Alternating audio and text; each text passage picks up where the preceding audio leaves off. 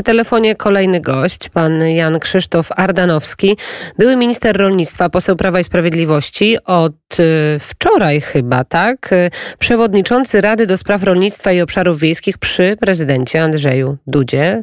Dzień dobry, panie pośle. Witam serdecznie, dzień dobry. Zanim porozmawiamy o przewodnictwie w Radzie do Spraw Rolnictwa, no to pytanie, jak pan przyjął informację o narodowej kwarantannie? Komplikuje ta choroba, komplikuje nam wszystko i e, zaczynają więzi międzyludzkie słabnąć, e, problemy rodzinne, przecież ta przełom roku to jednak było takie też e, spotkanie rodzin. No ale co zrobić? No, zdrowie najważniejsze. Modlimy się o to zdrowie, zabiegamy. Trzeba, trzeba to przeżyć, nie ma wyjścia. A czy zastanawiał się Pan i mm, tak jak my tutaj ze słuchaczami także się zastanawiamy, dlaczego data 28 grudnia, skoro teraz jest największe natężenie w galeriach handlowych, teraz jest najwięcej ludzi na zakupach, Niezrozumiała trochę dla nas jest ta data. Pani, wszystkie obostrzenia, wszystkie nakazy również muszą być przez ludzi zrozumiałe i egzekwowane. W przeciwnym wypadku y, one nic nie dają, tylko y, powodują też i zniechęcenie społeczne. Myślę, że to jest jakiś kompromis. Ludzie na te święta trudno sobie wyobrazić, żeby zamknąć wszystkich w domach. Y, w jaki sposób to wyegzekwować? Wydaje mi się, że Polacy i tak w miarę w miarę sensownie i w miarę logicznie się zachowują. Natomiast te obostrzenia, które z innych y, powodów mamy, czyli dystans i maseczki, y, ograniczenia ilości, y, no, są minimum minimorum, bym powiedział. Ludzie przed świętami myślę, że lockdownu by nie przeżyli, dlatego pierwszy dzień właściwie po świętach e, będzie konieczność e, no, odizolowania się.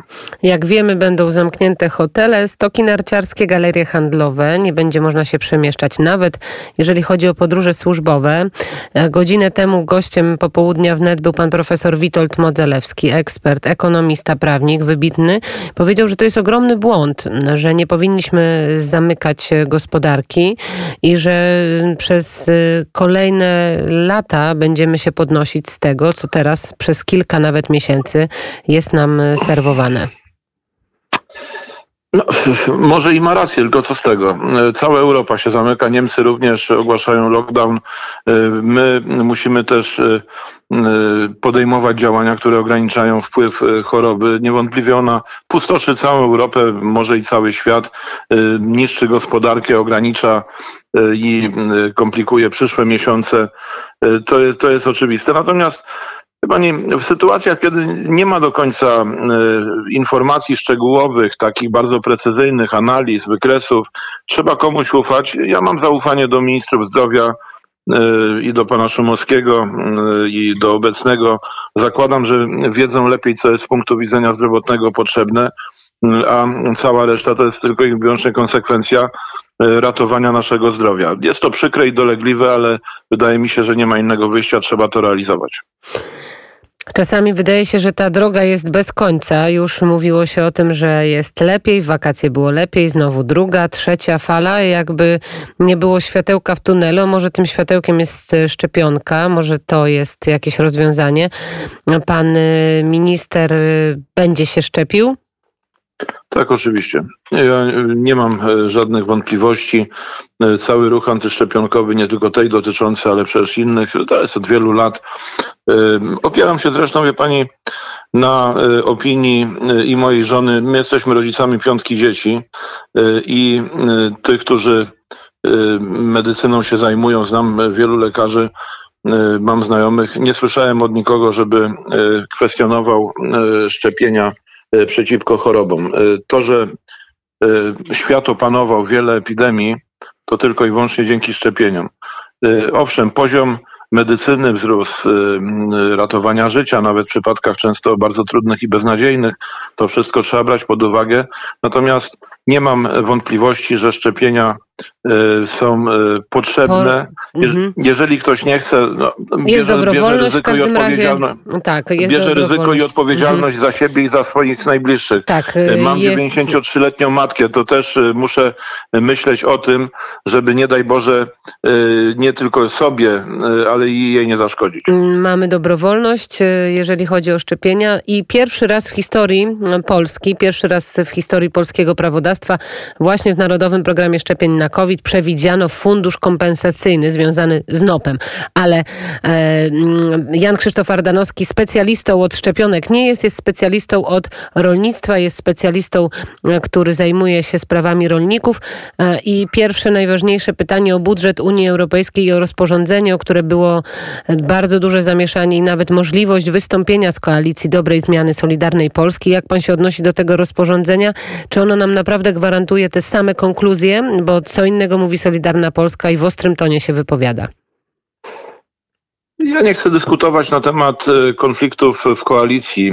E, sam przez jakiś czas również byłem wokół cyklonu, ponieważ nie godziłem się na różne rozwiązania. Natomiast pieniądze z budżetu europejskiego są po prostu wszystkim krajom europejskim teraz, w szczególności po tych skutkach COVID-u, są po prostu potrzebne. Ja nie mam jakiegoś przesadnego E, zaufania do Komisji Europejskiej. No właśnie. Do, e, do tego, że nas kochają, jeżeli idziemy trochę pod prąd tendencji lewicowych w Europie. Słyszę o tym, że my się stawiamy, że Europa idzie w innym kierunku, jakimś, że nie chcemy być w tym jakimś głównym nurcie.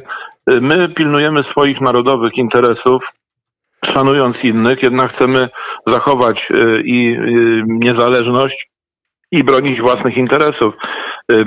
Inne kraje, trudno mi recenzować, wie pani, bo wielokrotnie kiedy byłem również na Radzie Ministrów w Brukseli jako minister, to y, wielokrotnie słyszałem ze strony naszych kolegów z naszej części Europy, że patrzyli na nas, no mówiąc, macie większy potencjał, większy kraj, więcej ludzi. W sposób naturalny Polska powinna być takim liderem naszej części Europy, y, nie tylko Grupy Wyszehradzkiej, ale również krajów nadbałtyckich, czy szerzej y, Trójmorza. Y, patrzą na Polskę z pewną nadzieją, że jako ci mocniejsi może, możemy żądać więcej. Ja bym się cieszył, gdyby nie było żadnych klauzul, które mogą wiązać transfery pieniędzy dla Polski. No ale są, jest to rozporządzenie, są konkluzje. Ja, ja, uważam, że Polska jest krajem e, demokratycznym i żadnego łamania e, praworządności nie ma. Oczywiście opozycja będzie lamentowała, twierdząc, że jest dokładnie odwrotnie, bo to jest element pewnej strategii walki z rządem, próby obalenia rządu. Ulica i zagranica były powtarzane, pamiętam i pierwsze próby w Polsce zaraz po przejęciu e, przez Prawo i Sprawiedliwość e, władzy, e, próba jakiegoś puczu, więc będą mówili swoje. Polska jest krajem demokratycznym i nikt nie kwestionuje mechanizmu demokratycznego, dzięki któremu Zjednoczona Prawica jest przy władzy. Natomiast mam, podobnie jak przy, w przypadku szczepień, Mam zaufanie do tych, którzy się na tym znają. Tutaj ufam i Konradowi Szymańskiemu y, i panu premierowi. Y, nic więcej w Brukseli nie można było y, załatwić. Weto, moim zdaniem, Owszem, ono było cały czas w grze, nie było żadnym straszakiem, było możliwe do uruchomienia, ale wtedy to, co dla jest bardzo ważne, również fundusz odbudowy, zostałby stworzony w taki sposób, że my byśmy z niego nie partycypowali. I wtedy ci wszyscy, którzy kwestionują w tej chwili zgodę pod pewnymi warunkami z tą deklaracją, która mówi w jakich, warun- w jakich sytuacjach można konsekwencje e, wyciągać, to ci wszyscy by wtedy narzekali, że straciliśmy pieniądze z funduszu odbudowy. Opozycji w żaden sposób się nie zadowoli. Wydaje mi się, że w tej sytuacji, jakiej jesteśmy, musimy być świadomi, że Europa specjalnie nas nie kocha, ale trudno w tej chwili to, poza Unią Europejską funkcjonować. Widzą przede wszystkim politycy Solidarnej Polski, tak jak wspomniałam, którzy mówią, że te konkluzje są nieistotne, niewiążące i będziemy mieli obcinane pieniądze w związku z tym rozporządzeniem. Jak będzie, zobaczymy. To się w najbliższym czasie okaże, ale jak wiemy, ta zasada praworządności, jeżeli chodzi o Polskę, bardzo często była yy, brana pod uwagę. Rada do Spraw Rolnictwa i Obszarów Wiejskich, czym ma się zajmować dokładnie? Ma pan doradzać prezydentowi, ale realnie, jeżeli chodzi o działania, jaką moc sprawczą będzie miała ta, to, to ciało?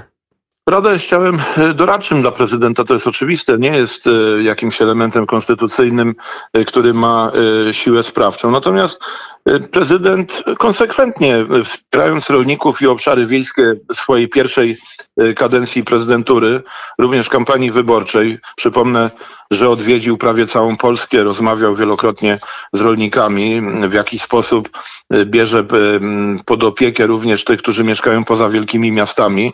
Mało w kampanii wyborczej podpisał porozumienia z Krajową Radą Izb Rolniczych i z Rolniczą Solidarnością, gdzie padły bardzo konkretne też ze strony pana prezydenta deklaracje inicjatyw ustawodawczych, E, żeby to wszystko realizować, jest potrzebna rada, jest potrzebny zespół ludzi, którzy będą mu Kto w tym zespole będzie jeszcze, panie e, ministrze? To jest, e, rada składa się z przedstawicieli rolników, w tym są szefowie pięciu organizacji rolniczych, którzy reprezentują Polskę w Korzeka, to jest lobby mhm. takie rolnicze w Europie. Tak. Są samorządowcy, są przedsiębiorcy, no bo trudno sobie rolnictwo bez przetwórstwa wyobrazić. Jest kilku bardzo wybitnych przedstawicieli nauki.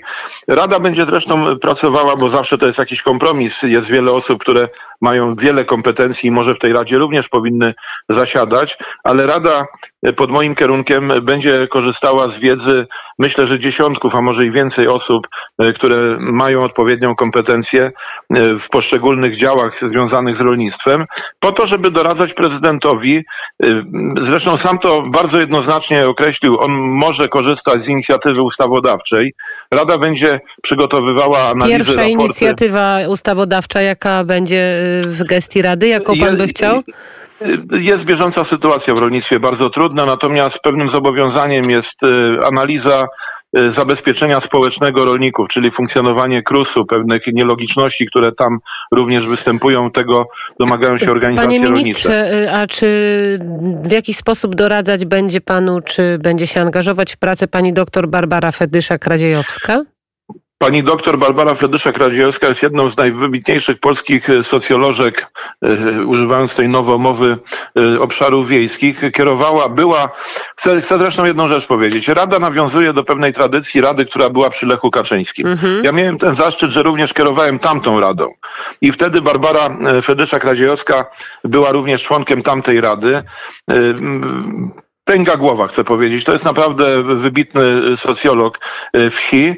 E, prezydent zresztą wyraźnie powiedział, że nawiązuje do tradycji Rady przy Lechu Kaczyńskim, że jest to takie symboliczne nawiązanie również do polityki Lecha Kaczyńskiego, czyli Polski Solidarnej, e, Polski Sprawiedliwej, która każdemu daje szanse rozwojowe, również tym, którzy mieszkają poza wielkimi miastami.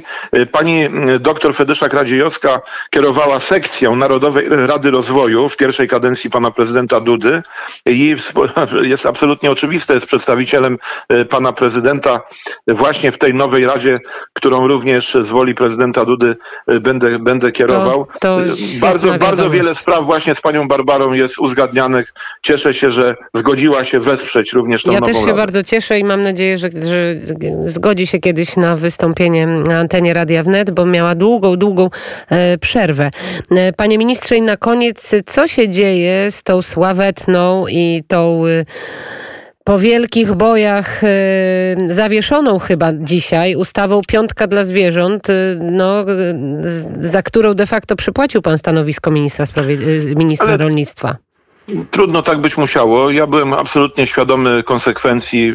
Ta ustawa, niezależnie jakie tam szczytne idee e, prezes Kaczyński głosił, czy ci, którzy tę ustawę stworzyli, e, była nielogiczna, szkodząca polskiej wsi. Zresztą zbudowała mur niechęci między polską wsią a partią rządzącą. To, to jest absolutnie wyraźne.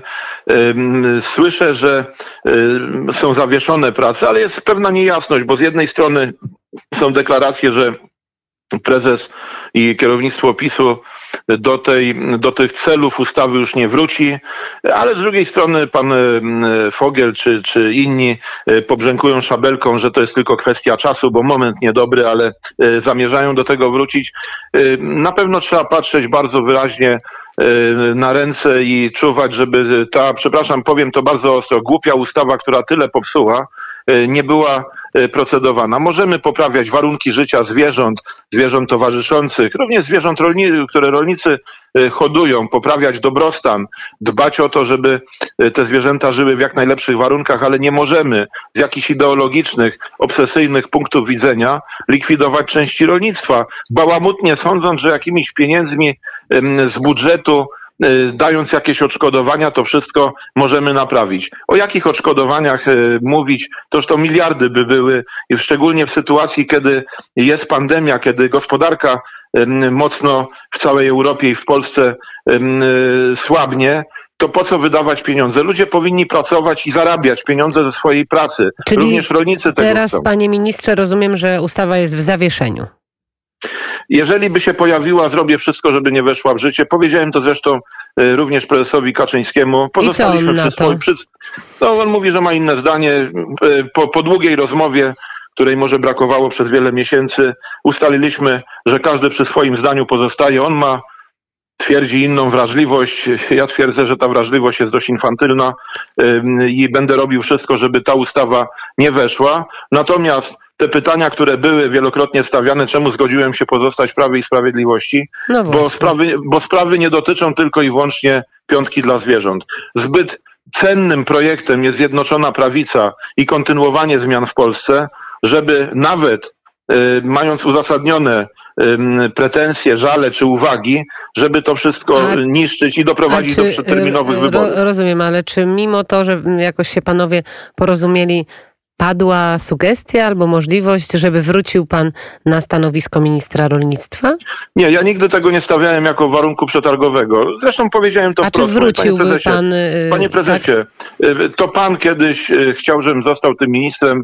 Ja się zgodziłem, ja nikogo nie wygryzłem, tak sądzi mój poprzednik. Starałem się najlepiej, jak potrafiłem, kierować resortem i chyba było to na tyle efektywne i przez rolników docenione, że y, głosowali na Prawo i Sprawiedliwość. Ma pan władzę w Sejmie w dużej mierze dzięki rolnikom. Prezydent również wygrał wybory, więc ja nie rozumiem pana decyzji związanych z, tą ustawą.